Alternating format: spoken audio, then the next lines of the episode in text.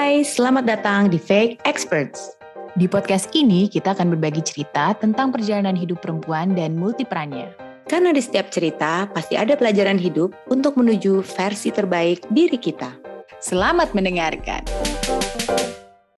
Hai, kembali lagi di Fake Experts bersama gue Medina dan Tanti. Kita kedatangan tamu spesial. Siapakah dia Tan? Anindita Saryuf. Hai. Jadi kalau Instagramer pasti kenal.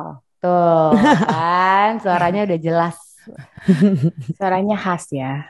Dia adalah seorang vokalis. ya kan? Iya benar. Seorang vokalis Santa Monica, ya kan? Hmm. Terus dia juga fashion director. Sekarang lo masih fashion director gak sih? Gue kalau misalnya secara title sih sudah enggak ya, karena kan dulu itu fashion director di L, L Magazine. Cuma kalau kalau dalam skup kerjaan sih masih bisa dibilang seperti itu. Sama lebih kayak kreatif director juga sih. Jadi sekarang by project gitu ya, Dit. Sekarang by project karena udah capek. Mungkin akan kembali tapi belum tahu kapan. Ditunggu berarti comebacknya ya. Iya dong, pasti. Kapan sih Kak Dita berkarya lagi gitu di Berkarya untuk musik. Oh, apa majalah. gitu ya. Kalau uh, majalah kayaknya sekarang mungkin udah enggak ya, mungkin itu lebih kayak passion project ya kalau majalah karena majalah sendiri kan uh, print media sendiri sih udah makanya kenapa aku tahun 2017 cabut itu karena memang udah nggak ya menurut aku udah nggak sesuai dengan apa yang aku suka gitu ya udah dulunya gitu dan udah mm, pelan-pelan emang semua orang juga ninggalin ke digital jadi Hmm. memang berubah sih bentuknya kayak gitu. Dulu kan apa-apa misalnya kita dalam satu um, edisi, satu isu itu kan bisa preparation tuh sebulan, dua bulan.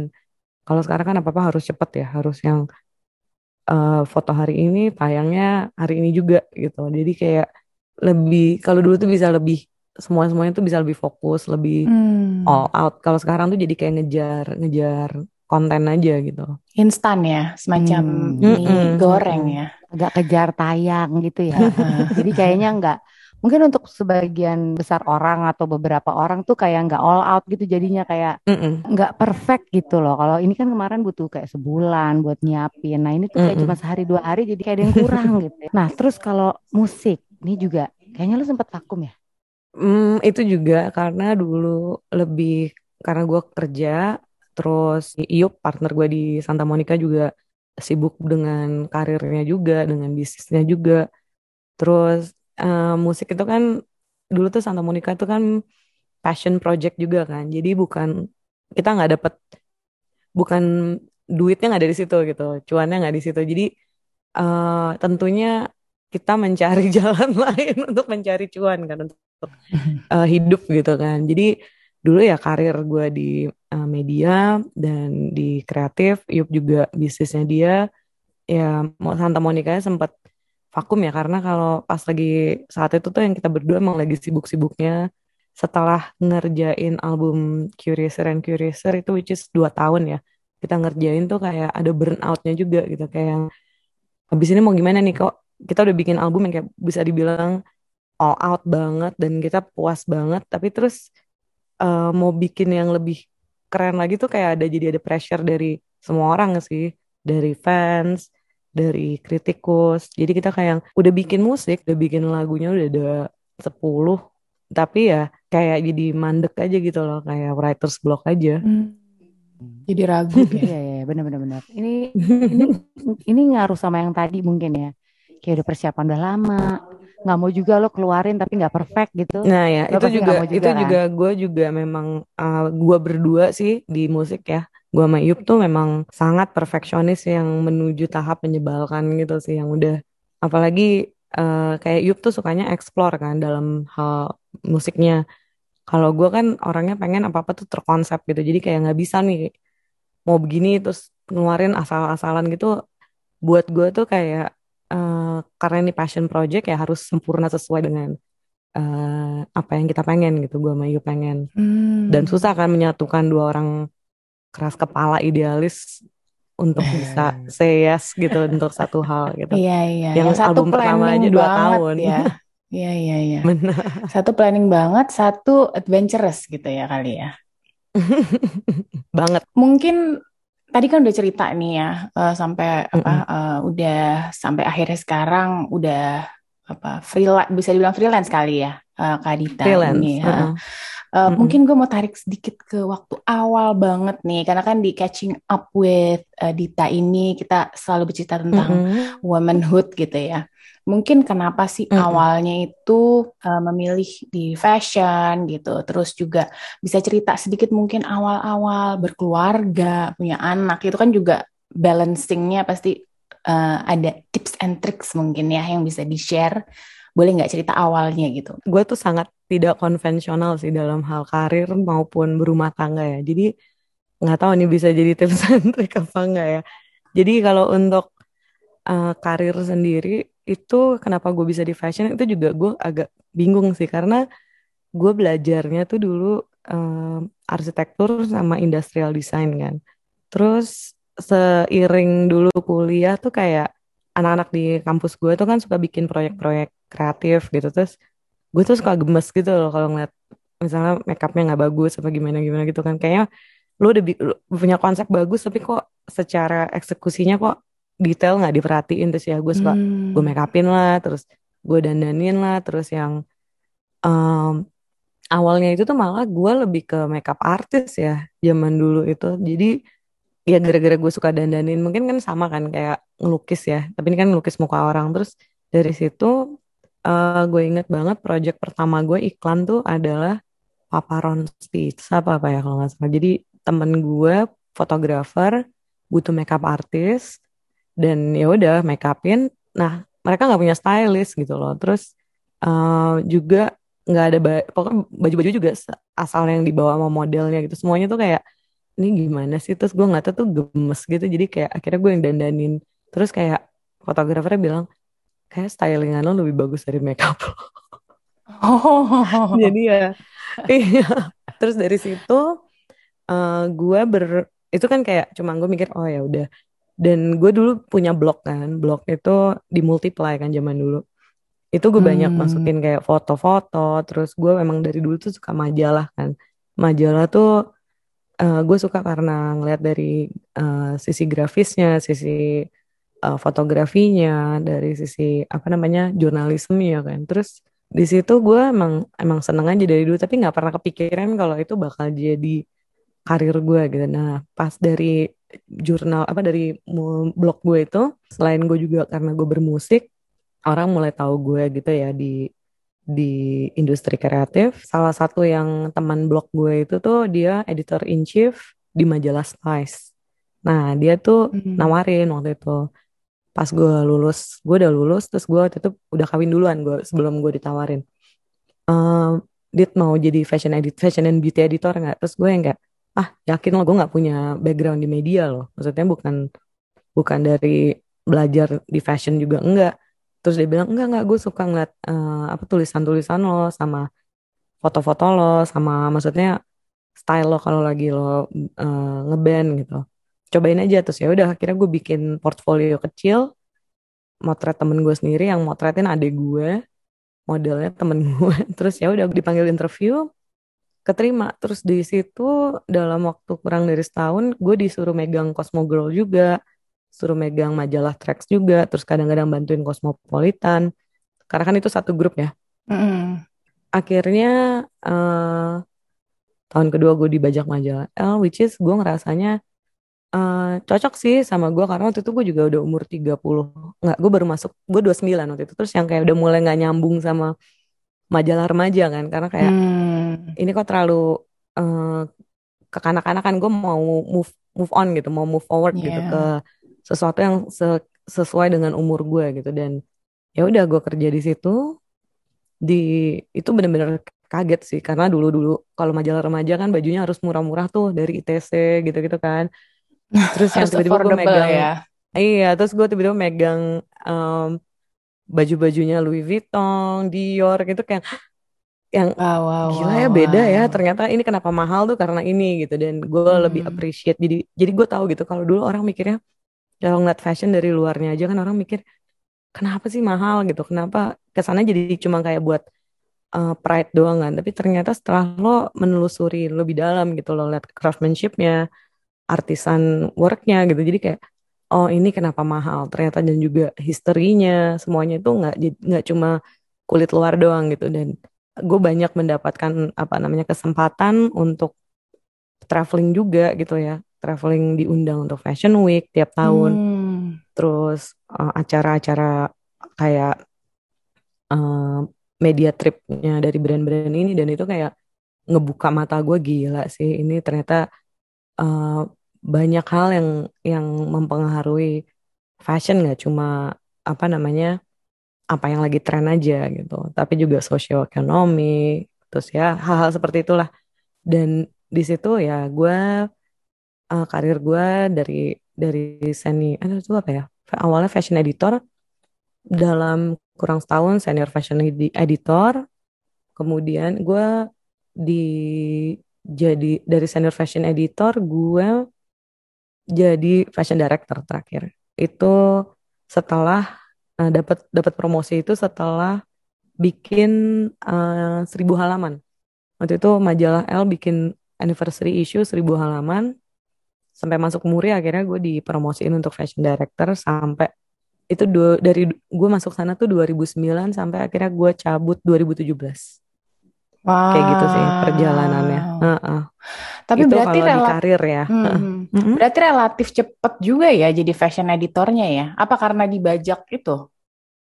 Uh, udah langsung jadi fashion um, editor? Gue pas masuk pertama kali di majalah memang udah dapet titlenya tuh fashion and beauty editor. Cuma kan majalah remaja ya.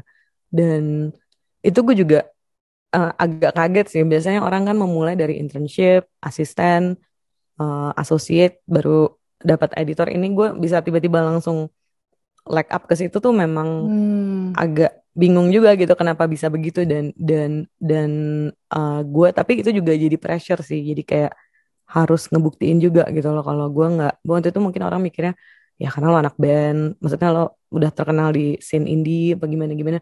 Tapi sebenarnya nggak nggak juga gitu. Beda banget. Yang apa yang gue selalu memisahkan si dunia musik gue dengan pekerjaan profesional gue gitu. Dan ya hmm. di situ juga dulu nggak ada yang punya asisten gue. Jadi beda apa apa ngalamin yang namanya nyetim baju ada 100 200 baju ngalasin sepatu pakai apa namanya pakai masking tape terus minjem baju ke ITC gotong-gotong karung tuh gue ngerasain. Menurut gue bagus karena jadi gue belajar yang namanya proses gitu. Proses bahwa ini nggak nggak gampang gitu loh. Semuanya itu yang namanya ditolak. Misalnya dulu pengen minjem baju dari suatu butik uh, terkenal terus karena aduh majalah remaja nggak level gitu ya, namanya menghadapi rejection tuh gue juga harus bisa ngadepin uh, gimana caranya bisa negosiasi? Itu semuanya belajar sih dari dari bawah sampai akhirnya di L yang semua semuanya lebih gampang gitu. Kayak karena udah punya nama karena juga internationally mereka kan majalah franchise jadi semua orang kayak ya udah gitu gampang. Tapi kan gue dulu awalnya kan memulai dengan majalah remaja yang ya maksudnya di dianggap sebelah mata lah sama banyak tempat banyak orang kayak gitu. Tapi ya gue cuma yang bisa gue lakukan adalah membuktikan diri dan ya perseverance sih. Jadi ya ya udah gitu. Nggak kulit badak lah kalau misalnya di kerja di fashion tuh. Hmm, benar-benar. Ini menarik ya. Maksudnya mm -hmm. uh, mental kan sebenarnya. Ya, ya, benar. Mm Mental lo di tempat sebenarnya. Pasti. Nah, ini gue mau nanya penasaran. Kayak banyak gak sih sebenarnya orang yang sikut-sikutan gitu ya? Misalkan kayak mm. ngomongin lo di belakang gitu kayak ya lo enak ini. Atau kayak kalau bisa sih dalam satu tahun lo udah kayak gini itu ada nggak? Banyak. Lo ngalamin banyak. Kayak banyak. Itu banyak. Itu maksudnya kayaknya nggak di cuma di bidang fashion ya. Maksudnya di di segala macam bidang tuh pasti uh, orang akan misalnya semakin lo tinggi semakin lo naik ke atas pasti yang nggak suka makin banyak gitu. Dan orang kan nggak pernah lihat susah-susahnya gitu. Even apalagi zaman dulu kan nggak ada sosial media yang maksudnya yang dulu cuma ada apa sih? Paling Twitter, Facebook dan uh, itu kan gue juga gue juga udah terlalu sibuk untuk kayak curhat tentang kesulitan gue. Dan gue bukan tipe orang yang suka pamer uh, personal life ya. Maksudnya gue orangnya sangat private sih untuk personal life gue. Dan yang gue kasih lihat tuh yang yang yang udah happy happynya aja gitu. Nggak yang bagian yang gue narik narik karung di ITC gitu kan. Mm, atau enggak dan gue juga jarang banget. Itu kayak ada etika jurnalismenya. Kita kan nggak boleh misalnya kita menghadapi seorang public figure terus kita dan public figure-nya ternyata menyusahkan gue dan gue nggak bisa gitu yang namanya uh, jelek bukan jelek jelek sih kayak menceritakan itu itu kan udah ada etikanya juga gitu dan buat gue uh, itu profesionalisme aja gitu. Paling gue curhat ya curhat ke teman-teman atau nggak curhat ke uh, partner gitu kan. Kalaupun udah sampai tahap sebel ya paling gue nge-tweet tapi cuma ya bener-bener yang nggak nggak nggak nyebutin nama gitu lebih kayak the general annoyance-nya tuh apa gitu? Apa yang menyebab menyebabkan gue kesel saat itu tuh secara general. Dan uh, yang namanya sikut-sikutan atau di di backstabbing sama orang banyak banget banyak banget. Dan nggak cuma di fashion di musik juga. Cuma ya gue nggak pernah melihat itu sebagai terus gue harus uh, apa namanya terus jadi uh, dwelling in it gitu. Karena dari gue kecil tuh nyokap gue kan emang modelnya kan cuek ya. Jadi jadi tanti kayaknya tahu yeah, nih. yeah, yeah, yeah. Uh, jadi nyokap gue tuh tipe orang yang gue misalnya dulu dibully nih ya di di kampus apa dulu ya di kampus sih. Karena gue SMA di Australia tuh jarang banget yang namanya dibully sih. Gak ada bully-bullyan waktu tapi begitu gue balik ke Indonesia gue kuliah di di sini tuh kaget gitu culture shock. Karena gue dibully gitu kan. Dibulinya juga nggak jelas gitu karena kamu kan dulu kuliah di apa SMA di Australia itu sok bule ya? Terus yang kayak hah? Dari mana? Maksudnya nggak masuk akal gitu loh. Terus ya biasalah gue kan dulu masih kita masih umur 17 gitu kan nangis ya pasti kan kayak cerita ke nyokap gitu. Terus nyokap gue cuma yang kayak aduh uh, kayak gitu tuh kamu cuma ada dua pilihan. Satu cuekin ngapain dipikirin gitu orang-orang itu. Terus yang kedua ya adepin aja kamu berantem gini berantem sana gitu. Terus gue kayak lah gue tuh cuma pengen didengerin maksudnya kayak cuma aduh sayang gitu kan. Pengennya kan gitu gitu kan di di sayang sayang di di di apa namanya minta di, ini ya minta belas comfort kasihan. minta belas kasihan. Kalau nyokap gue nggak ada belas gitu ya. kasihannya dia kan modelnya lurus. Nyokap gue tuh saintis dan dokter kan jadi kayak mungkin dia sangat pragmatis gitu dalam hidup. Jadi yang kayak lurus aja gitu. Gue akhirnya terbiasa um, kalau ada masalah kayak gitu tuh gue nggak pernah ya udah gue cuekin sama ya gue sengajain gitu sengaja gue bikin lebih bagus lagi karya gue atau nggak kerjaan gue terus makin bikin misalnya mereka bilang gue apa gitu gitu ya gue makin gue sengaja sengajain gitu. Karena gue emang orangnya tipenya kayak gitu ya nggak nggak terlalu peduli juga sama politik kantor yang mungkin gue adalah orang terakhir yang selalu tahu gosip gitu dari dulu. Di keluarga pun begitu kayak tante juga gue tipe nggak peduli gitu yang kayak ya, ya, ya udah ya, kerjaan ya. kerjaan gue aja gitu. Kecuali sampai benar-benar apa sih mengefek gue yang itu gue pasti gue akan akan akan ngomong langsung sih biasanya gue ke orangnya. Dan biasanya orang-orang kayak gitu diadepin langsung makanya malah ciut sih ya. Makanya ya udah ya nggak wasting time dan energi sih. Iya iya iya benar banget itu. Lo fokus sama tujuan hmm. hidup lo gitu gak sih? Itu juga sama kedua mungkin kalau yang gue lihat adalah um, gue dari kecil tuh udah tahu gue tuh sukanya apa dan gue maunya kayak gimana dan ya udah gitu gue nggak terlalu uh, mungkin apa ya sense of identity gue tuh dari kecil udah udah cukup kuat gitu. Jadi nggak uh, nggak pernah ada yang kayak keraguan terhadap misalnya gue hari ini mau pakai baju kayak gimana gitu. Gue nggak pernah terus jadi kayak uh, gini paling paling kalau gue ngeliat foto-fotonya setelah beberapa minggu kemudian gitu gue kayak aduh ini harusnya gue dandannya gini dikit nih. Kayaknya ini lebih kayak koreksi gitu. Tapi gue nggak pernah yang kayak merasa gue bingung dengan identitas gue jadi ya ya udah gitu. Apa yang gue gue yakin uh, karena gue memegang value-value yang kayak misalnya uh, gue harus jadi orang harus bener harus ini nggak boleh nginin orang lain. Ya udah gitu. Dan selama gue tahu gue nggak nggak nyikut orang lain apa kayak gitu gue nggak terlalu peduli sih sama yang lain Berarti lo kan ngomongin gaya ya. Kalau gue perhatiin perhatiin ya gitu dari mm -hmm. lo kan mengikuti track record lo ya dari lo ya terus sampai lo sekarang nih ya berapa mm. umur anda ya kan. Mm. Kayaknya gue lihat-lihat tuh lo tuh punya uh, apa ya gaya lo sendiri gitu. Mm -hmm. Terus setiap gue lihat kayaknya lo nggak pernah saltum tau gak sih? Kayak mm -hmm uh, lo pernah gak sih lo saltum misalnya atau lo sangat worry uh, dengan gaya lo gitu atau mm. emang lo udah punya gaya sendiri yang soalnya kalau gue lihat gaya lo tuh bagus terus gitu kayak semua orang kayaknya kayaknya tren ini nih ngikutin trennya si Dita nih gitu. enggak, enggak gini.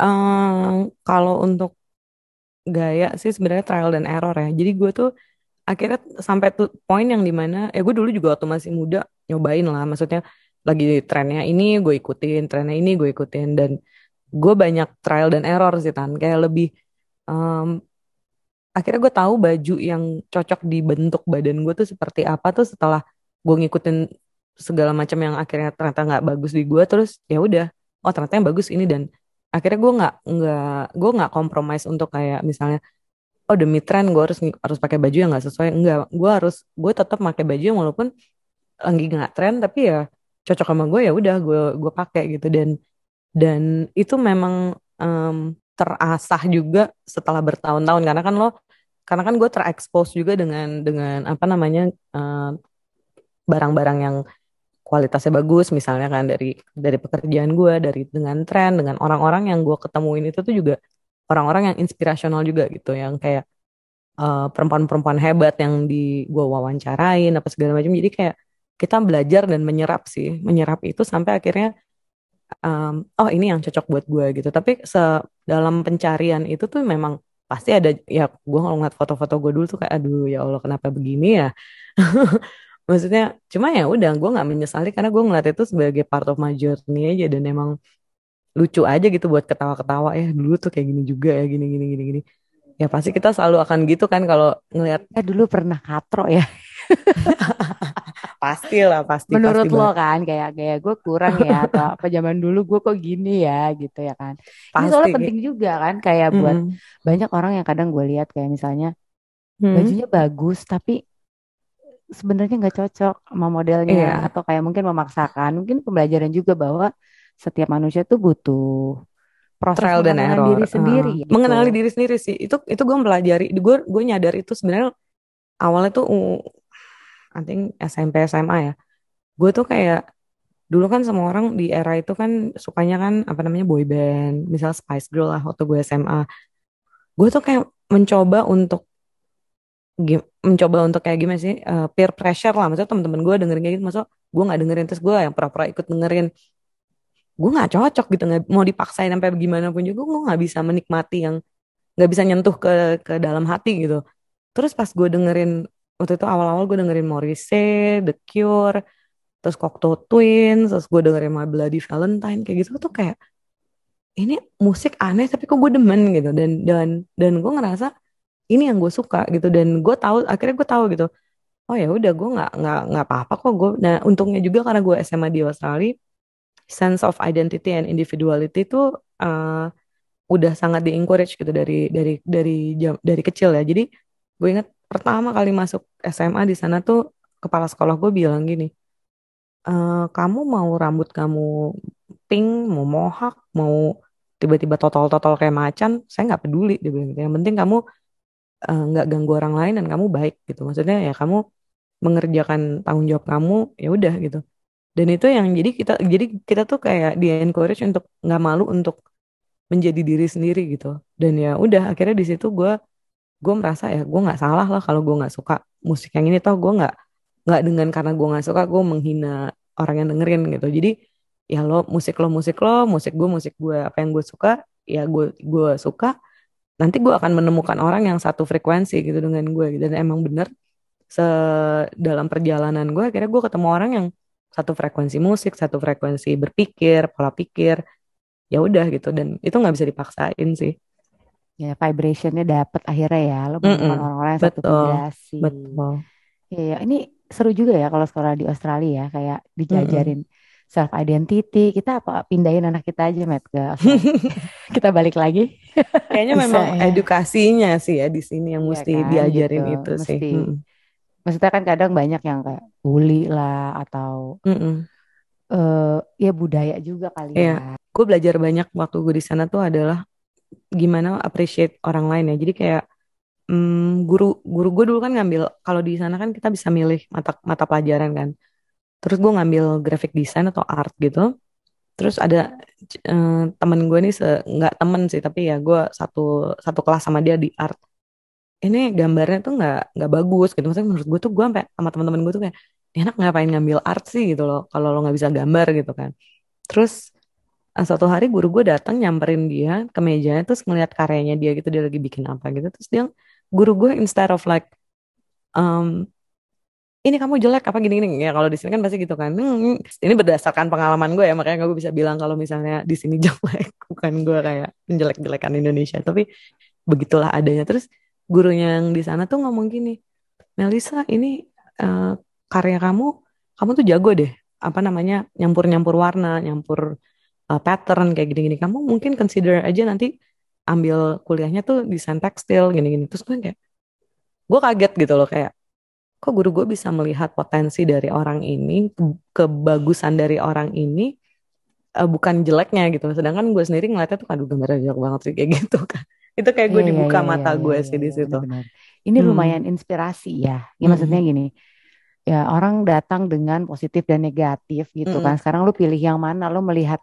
mm mau melihat dari positifnya aja tuh pasti akan selalu ada gitu ibaratnya. Pasti. Gitu dan ya. itu yang itu yang maksud gue di encourage tuh adalah uh, pasti ada hal dari semua orang tuh pasti ada positifnya. Gimana cara bis, gimana lo bisa, misalnya lo sebagai uh, atasan gitu ya, gimana lo bisa uh, membuat yang positifnya ini keluar, yang negatifnya bisa lo lo tekan gitu ke bawah gitu. Jadi hmm. sebenarnya itu yang gue banyak belajar dari dari dulu tuh waktu gue sekolah di sana. Lebih hal-hal kayak gitu sih. Jadi makanya gue bilang kayak misalnya uh, kenapa penting gitu ya. Gue selalu untuk misalnya nih beberapa kali kan gue di diundang gitu kan untuk um, jadi apa sih ngasih uh, seminar gitu kan di kampus-kampus gitu. Terus mereka selalu nanya gimana sih kak uh, caranya bisa gue bilang kalian masih pada muda nih uh, nabung kalau bisa punya duit lebih tabung atau nggak kerja sampingan terus traveling sebanyak-banyaknya nonton benar. film sebanyak-banyaknya ketemu orang dari berbagai macam negara dan kalangan sebanyak-banyaknya party sebanyak-banyaknya uh, karena dengan begitu kalian bisa ngebuka apa namanya your your way of thinking dengan apa namanya wawasan juga. Jadi nggak nggak cuma di bubble kalian aja gitu hidupnya. Gitu hmm, sih. Benar learning ya, by suka doing ada ya. kayak Mm-mm. kurang jalan-jalan loh gitu ya kan suka ada kan. Oh, iya. atau gue juga pernah lihat juga kayak ini loh yang kayak if you think positive positive things Nah, ya uh, itu itu gue percaya. gitu kan. itu gue ada cerita sih itu lucu sih yang kata-kata Tanti itu. Jadi ini terjadi di gue sih. Jadi gue waktu itu uh, lagi Fashion Week di Milan. 2010 kalau nggak salah. 2010 2011 lah. Terus um, di gini kalau di Eropa ya Allah PR PR brand tuh lambat banget yang namanya korespondensi kalau kita require apa inquire something ke mereka gitu ya. Beda kalau di Amerika tuh kayak kita ngirim email lima detik kemudian udah ada reply gitu dari PR-nya dan mereka salah, sangat accommodating gitu di Eropa tuh bisa uh, dua minggu nggak dijawab yang kayak gitu gitu lah. Oh, nah, berarti terus, si Emily in Paris tuh bener ya?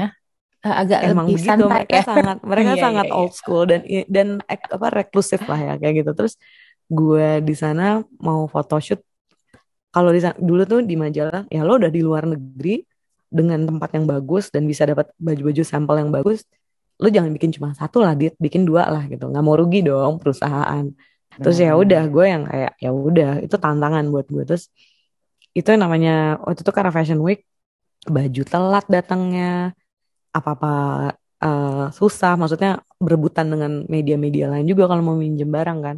Itu ya akhirnya gue um, ngontak salah satu student yang Indonesia yang di sana. Ya ya ini butuhnya network juga itu kan. Gue nelponin temen gue terus oh temen gue ada yang di Itali ada yang di Milan gini gini gini terus gue kontak mereka terus mereka nganterin oh gue kenal sama ini ini pinjemin kayak baju-baju yang dari brand-brand yang mungkin less known tapi bisa gue pakai untuk foto. Terus abis itu uh, dari situ uh, model juga last minute itu tuh cancel lah karena ternyata dia di booking sama show yang gede. Ya lah kalau majalah kan bayarnya cuma berapa? Ini kan show gede gitu kan. Terus beda cuan ya. itu uh, uh, nah terus fotografer gue tuh orang Portugis. Dia datang tuh malam sebelum eh ya siang sebelum photoshoot. Terus malam tuh kita lagi meeting di lobby hotel gue tiba-tiba mati lampu percaya nggak kan dan itu model lagi di cancel apalagi kita tuh lagi pusing gitu-gitu. Dan ini 2010 2011 jadi kayak yang namanya WhatsApp tuh kayaknya gue belum ada ya masih pakai BlackBerry ya kalau nggak Iya salah ya. benar-benar BlackBerry. Pokoknya masih BBM. segampang sekarang lah lo akses ke mana-mana gitu kan. Terus pas lagi mati lampu gue terus gue ketawa kan terus yang kayak fotografer gue nanya gitu lo kok ketawa sih dit gini nggak gue bilang gini ini ya gue ketawa karena gue lagi bayangin di Milan lu bisa mati lampu kayak di Jakarta gitu kan terus kedua ya gue mau ketawa mau gimana lagi masa gue mau nangis udah udah tahu stres ya tapi terus kalau gue nangis juga buat apa ya? Gue ketawa aja gitu nganggep "Ah, ini lucu dan ya udah tapi gue tetap tuh wak- waktu itu mm, dia pulang terus dia balik ke hotelnya kan dia tidur gue masih coba apa ngontek-ngontekin semua. Akhirnya last minute dapat tuh yang namanya makeup artist apa segala macam model dapat penggantinya dan ternyata bagus. Terus besoknya pas photoshoot udaranya cerah banget. Terus yang kayak muncullah 10 orang student Indonesia yang di Milan bantuin gue untuk photoshoot yang fotografer gue tuh, gini ah ini muncul dari mana pasukan lo terus yang kayak nggak tahu gue kayak gitu. merinding ya, kayak Heeh. tau gak sih lo? Oh my god, Mm, kayak terharu iya tapi terus habis itu gimana gitu? akhirnya gue beliin pizza kan mereka beliin pizza terus mereka juga seneng kan karena kayak part being part of like apa sih suatu production yang profesional production gitu kan maksudnya mereka kan sebagai mahasiswa selama ini mungkin cuma tahu teori tapi nggak pernah tahu eh, cara kerjanya langsung di lapangan habis itu malamnya akhirnya gue un- untung ada nyokap bokap gue datang waktu itu dari mereka habis eh, konferensi di mana terus gue dat- datengin ke Milan nyamperin gue todong gitu mah beliin makanan buat anak-anak ini. Dinner boleh gak mah terus ya udah mau bokap nyokap gue ditraktir makan bocah-bocah. Tetep ya, terus Anin iya terus gaji ma ya gaji media dulu nggak bisa. Terus habis itu Gak nutup ya. udah terus fotografer gue bilang "Ah, Dita you know what? Ah, di kita punya there's a saying in Portugis uh, a sorte protege os audazes itu artinya uh, luck atau fortune favors the brave gitu. Nah, kayak apa keberuntungan selalu mengikuti yang yang berani atau yang orang-orang yang mau uh, berusaha atau Hmm. punya positive thinking yang kayak gitu yang brave gitu kan. Terus gue sampai Jakarta gue tato gitu tato pertama gue gitu karena di di di di pergelangan kiri gue karena gue di situ ngerasa apa yang dia bilang gue selama ini selalu ngerasa gue selalu beruntung gitu selalu ada aja yang bantu padahal gue eh, nggak kenal terus dibantuin apa ada ada selalu opportunity yang datang dan I feel blessed gitu. Dan itu selalu kalau tiap gue lagi bete apa udah lagi stuck di kerjaan yang wah kayaknya udah nggak mungkin bisa di ini terus gue ngeliat itu ayo bisa bisa bisa bisa. Terus ya udah Wah, Sebenarnya menarik Itu ada banget artinya ya. ya. Ya, Hmm. ah, benar. Jadi kalau lo lagi Motivasi. galau, kalau lihat aja, oh ya gue lihat itu gue ingat dua, ya, nggak 2010 boleh lo bisa melakukan gitu. ini berarti lo bisa sekarang ayo jangan cengeng karena kan kadang-kadang gue ngerasanya eh, gue tuh udah keburu panik duluan anxiety duluan kan misalnya mau ngerjain project project gede gitu itu kayak udah kayak kita udah merasa anxiety-nya dulu padahal sebenarnya pas di jalannya bisa-bisa aja gitu dan itu ya bener-bener ngebantu banget sih karena jadi ya gue banyak pasukan yang tiba-tiba ya itu kan karena di outdoor kan jadi kayak modelnya aus apa mau air apa gimana tolong dong gitu kan. Kalau di sana kan nggak ada gojek ya nggak ada ikin nggak ikin supir gue yang serba bisa. Jadi lumayan. Ada. masuk podcast Gin. jadi ya gue merasa itu yang gue bilang kayak ya itu kayak ke- keberuntungan tuh ada aja datang aja. Terus yang yang gue bilang em, kalau misalnya lo berpikir mungkin kalau gue nggak berpikir positif gue bete gue marah-marah mungkin juga gue nggak akan dapet orang yang Hmm. bantuin gue kayak gitu sih Iya, iya, iya. Ini satu lagi ya, open ya, open minded kali ya, Mm-mm. kayak open oh, Mm-mm. opportunities juga. oh gitu. ya Jadi benar benar kesempatan itu Mm. datang terus jadinya. Nah, Mm-mm, benar ini kan tadi kita udah ngomongin Dita, Dita dan karirnya dan lain sebagainya. Mm-mm, Kalau ibu ya, mm-mm, dengan anak perempuan satu-satunya yang sudah beranjak dewasa. Coba mm-mm. dong lo ceritain dong motherhood lo tuh gimana lo sebagai ibu Wah, dengan anak itu- perempuan. itu juga nggak konvensional sih sangat ya gue kan gue itu punya anak gue masih umur 25 ya nggak salah 25 apa 26 gitu dan itu yang kayak di mana teman-teman gue masih pada party semua itu gue punya punya baby kan punya baby yang di awal tuh pas lagi masa kehamilan gue tuh kan gue mikir oh ini semuanya bisa dengan buku panduan nih. Kan belilah gue kan semua buku-buku motherhood yang apa gimana um, um, buku-buku pregnancy buku-buku uh, cara mendidik anak apa segala macam terus begitu lahir itu juga karena waktu melahirkan kan gue awalnya kan mau normal. Ternyata nggak bisa setelah 24 jam di induksi udah dipakai kateter pakai infus disuntik apa nggak bisa keluar juga. Udah 24 jam tuh pembukaan masih tiga kalau nggak salah tiga apa empat. Akhirnya dokter gue gue yang udah lo tau kan rasa sakitnya tuh di induksi kan lebih sakit daripada lo uh, kontraksi normal kan. Itu yang di momen yang di mana itu udah sampai lemes kan yang namanya sakit tuh akhirnya gue cuma yang kayak nafas hmm. buang nafas tuh yang kayak udah gitu gue nggak berani teriak-teriak karena kan nyokap gue dokter dan itu kan teman-teman nyokap gue gue malas aja ntar kayak ini anaknya si dokter ini nih ya, heboh banget kemarin gitu banget sih lahiran gitu iya, ya. iya. masih iya, kepikiran kayak, ya lo uh, uh, terus kayak ya gue nggak gue nahan tuh yang kayak bener-bener akhirnya ya apa namanya meditasi aja gitu kan meditasi segala macam lumayan bisa ini cuma by the end of 24 jam itu gue udah lemes banget tuh udah nggak bisa nggak bisa gerak sampai disuruh nunduk buat disuntik apa namanya epidural aja tuh masih yang kayak lemes gitu kan. Terus akhirnya um, melahirkannya sesar karena terlilit tali pusar.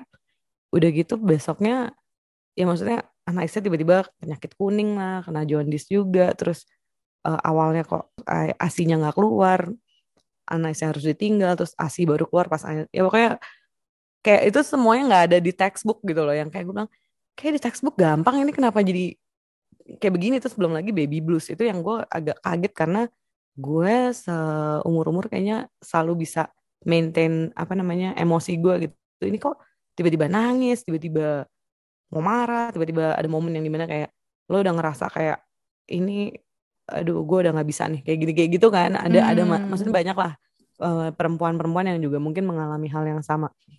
Clueless gitu loh yang bener-bener yang gila ini beda banget ya sama apa yang kita bayangkan gitu kan. Kalau di di buku-buku maternity kan kayak apa parenthood kan kayaknya indah gitu kan. Hmm. ya udah itu di di awal tahun pertama gue kayak apa namanya uh, roller coaster banget lah. Itu roller coaster sampai akhirnya gue menemukan apa ya namanya bukan pattern ya menemukan oh ini kayak gini nih ini gini ini gini. Ternyata bayi itu bukan kayak um, apa namanya lo beli laptop ada manual ininya gitu nggak bisa kalau dia lagi nangis kita pencet tombol lah apa terus dia bisa berhenti gitu.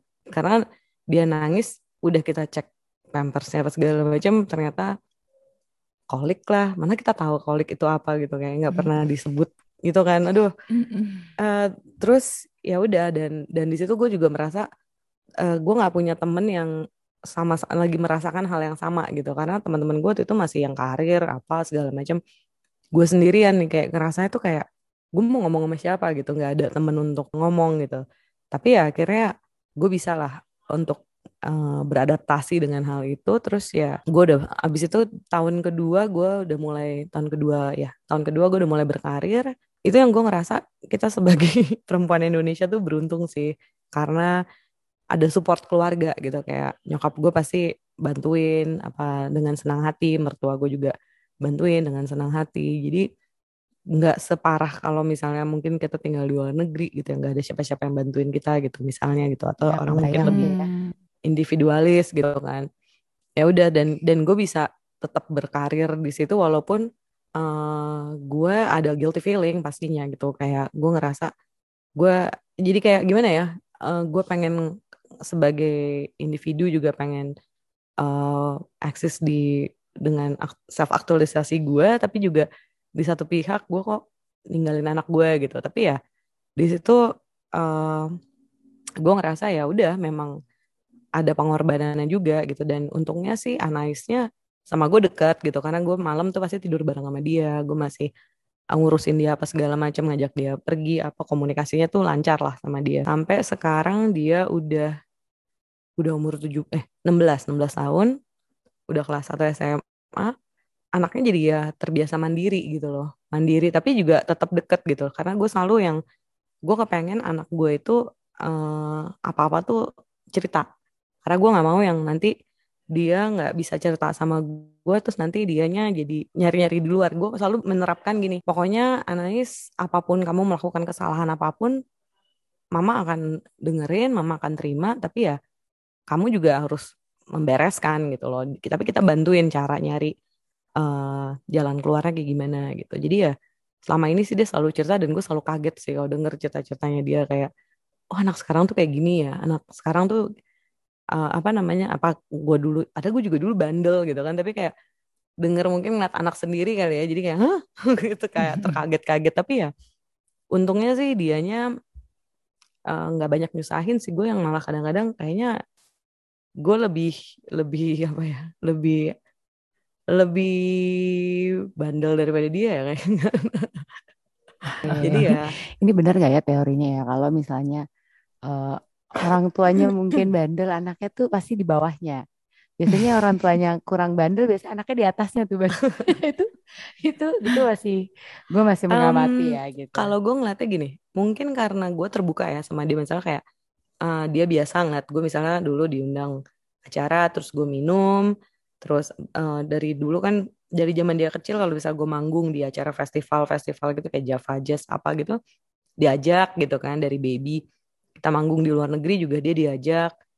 Terus kayak udah terbiasa ngelihat dan dia kenal sama teman-teman gue juga maksudnya terbiasa ngelihat uh, orang banyak kayak gimana. Terus kayak gue selalu membuka pembicaraan mengenai masalah-masalah yang anak muda adepin tuh ya ngomong aja gitu. Jadi dia udah nggak udah nggak penasaran gitu loh tan. Kayaknya lebih yang oh ya udah gue hmm. udah melihat itu semua dan gue udah tahu kayak gimana gimana. Jadi kayak nggak kepengen nggak nggak jadi yang terus oh gue harus ini gitu kan harus nyobain gitu. Enggak gitu. Kayaknya sih itu itu kalau gue ngeliat dari dia ya. Berarti kuncinya tuh keterlibatan ya. Jadi selama ini mm -mm. tuh kegiatan apa pun yang lo yeah. lakukan itu lo melibatkan anak lo secara baik langsung maupun tidak yeah. langsung pekerjaan cerita, juga gitu. mm -mm. kayak misal gue gigi photoshoot dulu suka gue ajak kalau yang nggak maksudnya yang nggak ribet ya gue ajak jadi dia ngeliat yuk kayaknya kalau rekaman juga kayaknya pernah ada Anais ikut ya jadi dia tahu pekerjaan gue apa terus gue misalnya kalau kerja di rumah dia ngeliat gitu kan jadi dia tahu gitu misalnya ini apa sih mah ini ini ini ini terus ngobrol apa segala macam jadi kayak dia jadi tahu gitu oh mama tuh kerjanya kayak gini gini hmm. mama ini gini gini gimana ya gue menceritakan ini. Kayak bisa minum gitu ya minum wine gitu di rumah depan dia ya dia tahu gitu. Jadi tapi kan dia juga nggak terus ngeliat gue misalnya minum tuh sampai mabok-mabok yang gimana gitu kan. Jadi dia ngeliatnya tuh kayak ya sewajarnya aja semuanya itu hmm. ada memang dan gue juga bilang sama dia ya kamu kalau mau nyobain segala sesuatu ya sebenarnya nggak nggak bisa dilarang gitu. Kalau semakin kita larang jadinya mereka nggak belajar juga kan. Ya, tapi cukup dikasih tahu ya. konsekuensinya gini. Karena juga dulu nyokap gue kan pas gue kecil tuh gue inget uh, pas gue muda ya uh, kayak gue mau nonton Transpotting tuh zaman waktu itu. Terus nyokap gue nanya tentang apa terus terus pas nyokap gue bilang iya itu emang kayak begitu. Uh, kalau kamu drug addict jadinya kayak begini gini gini. Itu jadi kayak gue takut sendiri gitu loh. Jadi oh ya gue nggak mau kayak begitulah gitu jadi dikasih tahu hmm. ini konsekuensinya apa tapi yeah, ya gue juga yeah. jadinya kayak mikir juga gitu ada batas-batas yang ada yang pengen gue cobain tapi ada juga yang gue udah tahu ini nggak mungkin karena konsekuensinya udah udah jelas kayak begini gitu hmm, ya jadi seperti kayak itulah. istilah ini ya belajar sambil bermain gitu. Nah kalau ini hmm. mungkin ya dia dengan lihat apa yang dilakukan, hmm. terus kita juga bisa kasih message-message mm. saat kita sedang melakukan mm ini misalkan tadi lo bilang kayak gue minum wine gitu anak mm gue lihat jadi juga belajar mm. oh, oke okay, porsinya ya. gitu-gitu misalnya gue ya. suruh nyobain juga gitu kayak kamu nyobain nih cobain aja karena gue dulu inget gue umur 14 sampai 15 ya bokap gue tuh kayak lagi lagi kawinan om om Tomo ya tan jadi di Semarang oke okay, lo sebut ya om lo ya ada kawinan om gue lah di Semarang terus bokap gue tuh ngajak abis itu kayak ada ada kayak apa sih namanya live band gitu terus bokap gue pesan minum terus bokap kamu minum gih gitu terus gue nggak minum gitu kan. Terus kayak padahal kan uh, maksudnya gue dulu di Australia terekspos dengan um, teman-teman gue pada minum tapi gue nggak pernah nyobain gitu. Terus uh, udah kan ada bokap gue ya udah deh nyobain. Gue inget banget tuh Baileys apa apa ya apa kalua gitu kan nyobain itu. Iya terus kata bokap gue gimana? Enak tapi yang ya, biasa aja gitu kan. Kata bokap gue ya itu jadi kamu tahu jadi besok besok kalau teman-teman kamu jangan jangan norak ya itu penting juga ya kayak uh. jangan norak ya gitu karena hmm, kita udah experience dulu uh, uh, uh, hmm, jadi iya, tahu iya. gitu lo gimana ya iya, iya. nyobain boleh tapi jangan sampai bego aja gitu kan hmm. iya iya iya jadi transparansi ya antara orang iya benar anak jadi anaknya jadi trust Ya benar, itu benar banget. Banyak nggak bohong ya. Kadang tuh gue suka lihat ya, mungkin di beberapa orang tua yang ha hanya menunjukkan ke kepositifan dari diri mereka doang gitu loh. Mm -mm. Kayak oh jadi anaknya kan kayak sangat bangga dengan orang tua yang sangat positif, which is mm. good. Tapi at some point ketika anak kita udah dewasa, kadang kan kita suka lihat juga kayak oh ternyata ada banyak gue suka lihat beberapa anak yang kecewa dengan orang tuanya. Mm. Karena ternyata orang tua gue tuh nggak sebaik itu. Atau mm. orang tua gue melakukan sesuatu hal yang akhirnya membuat mereka kecewa gitu karena yeah. mm keterlibatan dan keterbukaan tadi nggak terjadi dari mm. sejak dini lah gitu. Mm. Ya, ini poin yang bagus ya. Jadi udah terbuka aja sama anak. challenge challenge gitu sama anak lo yang udah HBG. Mm -mm, gimana tuh? Perempuan um, lagi ya? Sebenarnya sensi-sensi kalau kayak mama tuh gimana sih gitu kan suka gitu kan orang ya, ya. orang ibunya kan. Gue ngerasa kalau kayak Anais uh, ya sebenarnya lebih kayak perbedaan generasi sih. Mungkin apa yang sama kita alami dulu sama orang tua kita kan. Kayak orang tua kita apa sih boomer ya. Gue sendiri kayak perbatasan. Gue sendiri perbatasan antara uh, X sama milenial gitu kan. Terus anak gue Gen Z banget dan bener-bener se Gen Z itulah. Dan tapi gue juga jadi banyak belajar gitu loh dari dia. Misalnya kayak gue sering ngajak ngobrol kan kayak menurut kamu Gen Z tuh kayak gimana sih? Nice gitu. Oh dia menjelaskan dan yang dijelaskan tuh kayak kita tuh sangat overly sensitive mam gitu kan. Kenapa? Gue bilang gitu.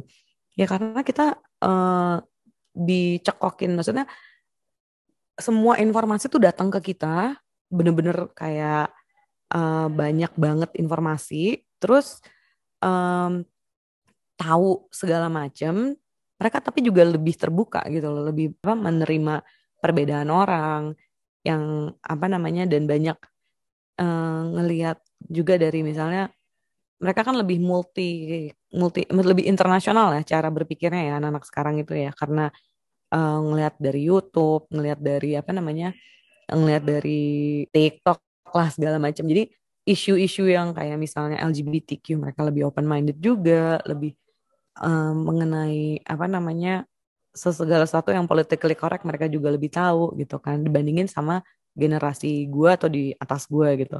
Musisi-musisi yang gue awalnya tuh nggak terlalu tahu terus gue jadi tahu gara-gara dia kayak misalnya Tyler hmm. the Creator lah apa-apa gue bilang oh gitu ya nice. Jadi gue banyak belajar juga dari anak gue sih. Dan perbedaannya ya adalah gener ya itu gener generation gap yang gue kayak ngerasanya kok nggak kayak gue dulu berpikir ya tapi gue coba mengerti gitu. Dan hmm. dia sebagai anak perempuan sama anak laki gue nggak tahu ya karena gue nggak pernah punya anak laki ya. Lebih enaknya karena bisa lebih berkomunikasi lebih gampang gitu. Maksudnya kayak lebih nyambung aja gitu kayak omongan perempuan apa segala macam. Tapi juga anak gue tuh sangat sensitif sensitif gitu loh anaknya. Kayak dia menurut menurut dia tuh gue cuek gitu. Sedangkan uh, dia dia lebih sensitif lah gitu. Terus yang kayak nanti dia bisa tuh nangis misalnya nangis yang kayak marah tuh ke gue tuh misalnya kayak mama tuh nggak ngerti mama tuh orangnya mungkin nggak ngerti kalau aku tuh orangnya uh, begini mah aku gini, gini. Terus gue jadi kayak oh gitu ya mungkin uh, gue salah nih kayaknya nih gue nggak nggak gue menggampangkan masalahnya dia. Sedangkan buat di dia masalahnya itu tuh besar gitu loh jadi gue mikirnya ya gue sama aja kayaknya gue zaman dulu dong nih kalau kayak gue nggak mau nggak mau ngertiin dia gitu kan permasalahan common yang suka terjadi ya antara iya.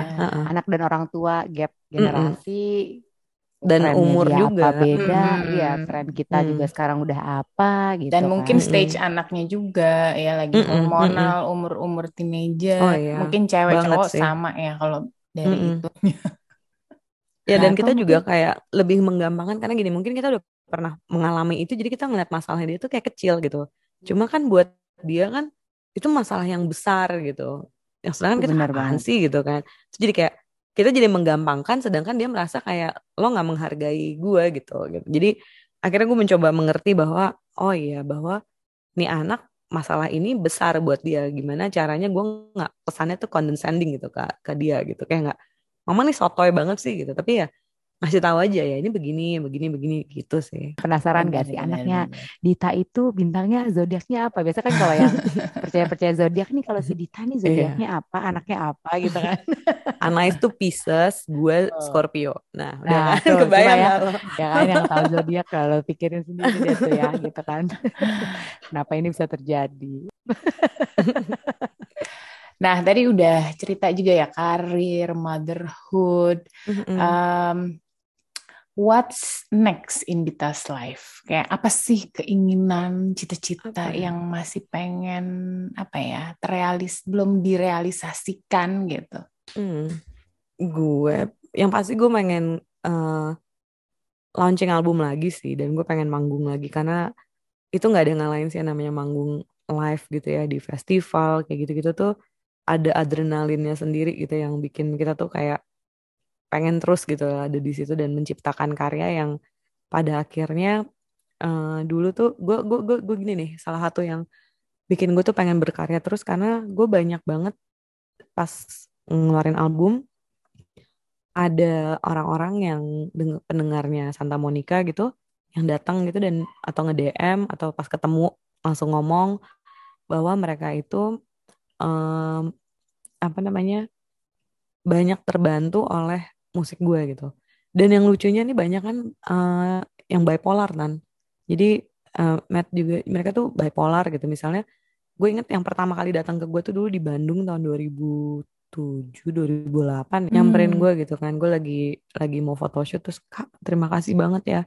Aku tuh bipolar Kak, gini gini gini, gini. terus gue kayak dan uh, aku udah ngedissect uh, albumnya kakak liriknya lagunya gini itu ngebantu aku pas lagi ngadepin apa Windows aku gitu yang pas lagi wow. manik Windows aku daripada gue kayak dan waktu itu gue tuh iya, masih yeah. sangat nggak terlalu tahu gitu kan mengenai mental health ada juga yang fans gue sampai ngasih gue lukisan tuh juga gitu album kamu tuh ngebantu aku banget di di saat aku lagi susah banget gitu kak lagi yang ngadepin depresi apa segala macam banyak banget yang nulis wow. yang kayak uh, musik kamu ban apa kayak nemenin aku di uh, my lowest level apa segala macam gue jadi kayak padahal kayak gue iya, nulis yeah, yeah. liriknya nggak tapi itu ya mungkin, greatest compliment uh, banget ya gitu maksudnya mm, mm, itu merubah itu, itu, iya. hidup ya. orang itu kan wow gitu mm, mm.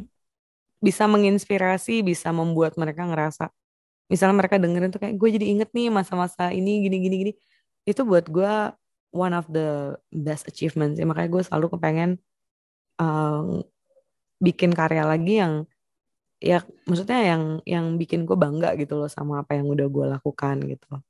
Itu satu. Kedua hmm. um, gue kayak mau gue lagi sebenarnya lagi lagi mempersiapkan kayak gue lagi mau bikin suatu brand tapi uh, gue masih masih dalam tahap gue inkubasi lah gitu. Karena sebelumnya kan gue juga sempat ada brand kosmetik kan. Nah cuma gue sekarang lagi bingung apa yang gue pengen bikin gitu loh. Karena yang gue gue merasa di umur gue sekarang gue pengen sesuatu yang mungkin relatable dengan diri gue juga gitu nggak jadi bukan cuma sekedar bikin bisnis tapi gue sesuatu yang ada passion gue juga di situ gitu. tunggu okay. ya uh, karyanya terus musik-musiknya ya kan manggung-manggungnya yeah. gitu apalagi uh, oh sama dengan... ini sih ngajar sih kayaknya maksudnya sharing oh. ya kayak ya karena gue uh, kepengen uh, apa yang udah gue dapetin dapetin ya itu nggak semua orang bisa dapetin hal yang sama gitu opportunity-nya hmm. ngebantu mereka untuk apa belajar karena dulu gue sering ngepost juga di Instagram gue misalnya kayak ini cara bikin konsep deck apa gini dan ternyata banyak banget yang yang suka gitu loh merasa terbantu mm dari mm dari sharing lo itu ya mm -mm. gitu. mm -mm. Ya, ya. Ini kemarin kita sempat ngomongin juga ya, Matt, di salah satu apa hmm. episode, episode kita apalah uh. gitu bahwa ketika orang tuh udah sukses, akhirnya tuh ujung-ujungnya tuh dia kayak ingin mengembalikan apa yang udah dia dapat hmm. ke masyarakat ya nggak sih? Itu episode apa ya? Iya kan, ciri-ciri kepuasan diri deh kayaknya ya. Jadi kalau misalkan lo hmm. tuh udah sukses dengan hal yang udah hmm. pernah lo dapat, lo kayak punya obligasi lagi untuk gue harus hmm. sharing ini gitu because hmm. this is hmm. important atau yeah. mungkin uh, berguna untuk orang lain gitu. Mulia sekalian ini yeah. kita. Ilmu kan priceless ya. Cuma seneng aja gitu kayak maksudnya nggak karena gue ngeliat kayak ada satu hal juga gue tuh seneng ketemu sama anak-anak yang muda masih muda-muda gitu karena mereka itu tuh uh, feeding me with like apa namanya dari youthful energy gitu loh kayak uh, kreativitasnya gitu cara berpikirnya gue kayak wah gila ya ternyata um, mereka nih beda banget cara mikirnya lebih hebat begini gini, gini. terus itu gue banyak belajar juga dan gue seneng gitu loh dan itu bisa meng banyak menginspirasi gue juga untuk bikin karya, bikin apa apa tuh dari dari ketemu hmm. sama anak-anak ini gitu. Jadi ya itu sih mungkin biar awet mungkin resep awet muda. Saling belajar ya jadinya mm -mm. kalau begitu. Mm -mm.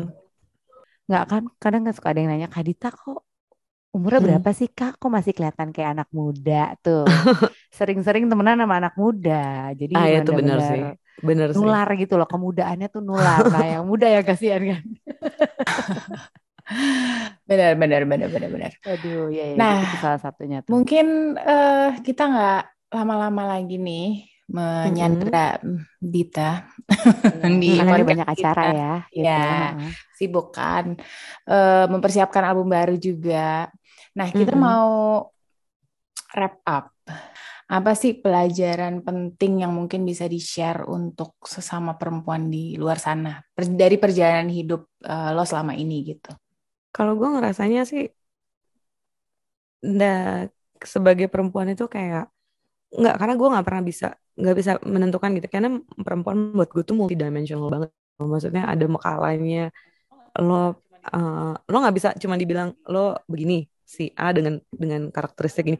Karena pasti banyak hal lagi yang di dalam hidup lo tuh yang lo pengen jadi mungkin pengen jadi ibu atau lo mungkin nggak kepengen jadi ibu lo kepengen kawin atau lo ternyata nggak kepengen merit hmm. terus lo pengen berkarir atau ada juga yang cuma pengen jadi misalnya ibu rumah tangga apa kayak gitu gitu jadi buat gue sih uh, sebenarnya yang sebenarnya tahu apa yang lo mau sih. Kayak itu yang paling penting sih. Tahu apa yang lo mau dan be unapologetically proud of yourself aja sih. Maksudnya kayak gue yang nggak pernah gue nggak pernah menyesali apa yang udah gue pilih dalam pilihan hidup gue. Dan buat gue semuanya itu jadi part of the journey aja yang shaping gue sekarang. Kayak jadi begini tuh ini gitu ini semua even the mistake. Karena kalau buat gue kalau kita nggak pernah making mistake juga lo nggak akan jadi wise gitu kan dalam hidup.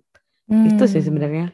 Gue juga bingung mau share apa. Penting tapi penting banget itu. Hmm. karena perempuan tuh hmm. sering guilty feeling ya being unapologetically oh, iya, yourself and hmm. uh, don't regret your own life yeah. experience gitu ya jangan compare juga sih karena nggak pernah ada yang namanya the perfect mom, the perfect wife, yes. the perfect woman tuh nggak ada. Semuanya pasti ada flaw-nya dan cuma bagaimana lo bisa uh, making the best aja dari dari dari hidup lo gitu. Maksudnya jangan terus dwelling in the regret, jangan terus dwelling in the apa namanya ketidakpuasan Guilt. kayak gitu-gitu ya. hmm. ya. Kalau kalau misal ketidakpuasan itu bisa di di dibetulkan ya just do it gitu loh dan nggak pernah telat kok waktunya dan jangan pernah kayak hmm, berpatokan pada standar patriarki society gitu, patriarchal society kayak misalnya lo umur segini tuh lo udah nggak nggak boleh pakai baju kayak begini, lo umur segini udah nggak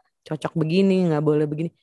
Karena orang timelinenya beda-beda gitu. Ada yang gue di umur 25 gue nggak sempat party, nggak sempat. Sekarang anak gue udah gede, terserah gue dong gue mau party mau apa gitu kan. Lo kesempatan uh, gue sekarang kenapa nih, gue, gitu mm -mm, kan kenapa lo mungkin uh, di masa lo pada saat waktu dulu lo udah puas sekarang mungkin lo mau tenang ya udah gitu kan semua orang beda-beda jadi jangan memaksakan standar yang ada di society apalagi yang patriarkal gitu kepada diri lo sendiri gitu karena jadinya lo nanti nggak happy gitu. So, ini salah satu tips kunci kebahagiaan ya. Mm, ya yes. kan kayak jangan lo pakai standar orang buat diri mm. lo ya kan. Mm kan. Ini tadi hmm. dia sempat ngomongin baju tadi kan. Kalau gue mau pakai baju gini, ya terserah gue hmm. dong. Kalau ini hmm. boleh nggak sih lo kasih tips sedikit ya, kayak uh, karena kan lo fashion stylist, fashion director gitu atau apalah fashion fashion itu ya. Nah, uh, kalau kasih tips dong buat mungkin pendengar PK expert ya kayak apa sih uh, lima apa ya? yang harus mereka oh, punya di wardrobe mereka items gitu. items all Basic, women nah. should have. Kalau menurut gue pertama yang paling penting adalah the the right uh, bra and panties sih. Maksudnya apa baju dalam ya? Maksudnya um, baju dalam yang bagus. Maksudnya bagus dalam arti cocok sama bentuk badan lo dan suportif. Karena kalau misalnya di dalamnya aja udah bagus, pasti ntar kelihatan di luarnya juga bagus. Itu satu. Itu yang banyak orang kadang-kadang uh, mungkin lupa mikir ah nggak kelihatan juga. Tapi ternyata um, hmm. itu boosting up confidence banget sih ini lo pasti berasakan pertama, lagi enggak yang pertama nih dalam sih iya kan kalau dalamnya dalam ya. bagus enggak kalau dalamnya aja udah nggak bagus itu keluarnya pasti akan nggak Iya. bagus juga. It's a Pasti. message ya. Itu itu itu ada ada ada gue rasa pasti ada ada secara psikologis pasti akan ngaruh sih kayak misalnya lu lagi Hmm. pakai baju dalam lo yang bagus yang dari misalnya lo beli mahal dari Victoria's Secret dan lo mem, lo pas ngeliat di kaca gila gue keren gue kece gitu kan itu ngeboost up confidence banget gitu loh Mm-mm. pada saat lo pakai baju padahal bajunya ketutup juga tapi lo ngerasa jadi Jadi klum ya di luarnya tuh jadi Wow, gitu. "Ah-ah." Enggak enggak, secara yang tahu diri kita kan kita ya. gue selalu bilang sama eh, semua klien gue juga tuh kayak lo baju dalam lo mesti ini mesti bagus mesti ini karena mesti sesuai lah dengan baju lo gitu. Kalau nggak nanti jadi lo nya yang nggak nggak nyaman gitu. Mm, itu kuncinya kenyamanan sih satu dan pilih yang sesuai dengan bentuk badan dan bikin badan lo kelihatan lebih bagus gitu. Terus Hmm, yang apa lagi? kedua apa lagi gue selalu percaya eh, barang-barang yang kayak misalnya lo punya blazer atau jas yang emang potongannya bagus dan eh, tailor made gitu ya. Maksudnya gue bilang gue nggak pernah bilang harus selalu eh, beli baju tuh yang bermerek apa gimana tapi at least lo punya satu yang emang secara kualitas bagus gitu. Dan itu adalah jas atau blazer buat cewek. Pantsuit gitu ya. Dan warnanya tuh mesti warna-warna netral ya atau at least punya warna hitam. Karena itu akan kepake buat lo kerja buat lo misalnya pergi pesta atau acara formal juga bisa dipakai jadi bisa ke mana-mana dan lo bisa pakai satu stylean barengan atau enggak bisa lo pecah gitu kan. Bisa lo pakai Hmm. atasannya doang bawahnya. Jadi tuh dan itu selalu eh, sesuatu yang klasik kayak gitu tuh nggak akan lo mau pakai berpuluh-puluh tahun tuh bisa gitu. Itu kedua. Ketiga hmm, mau apa item ya.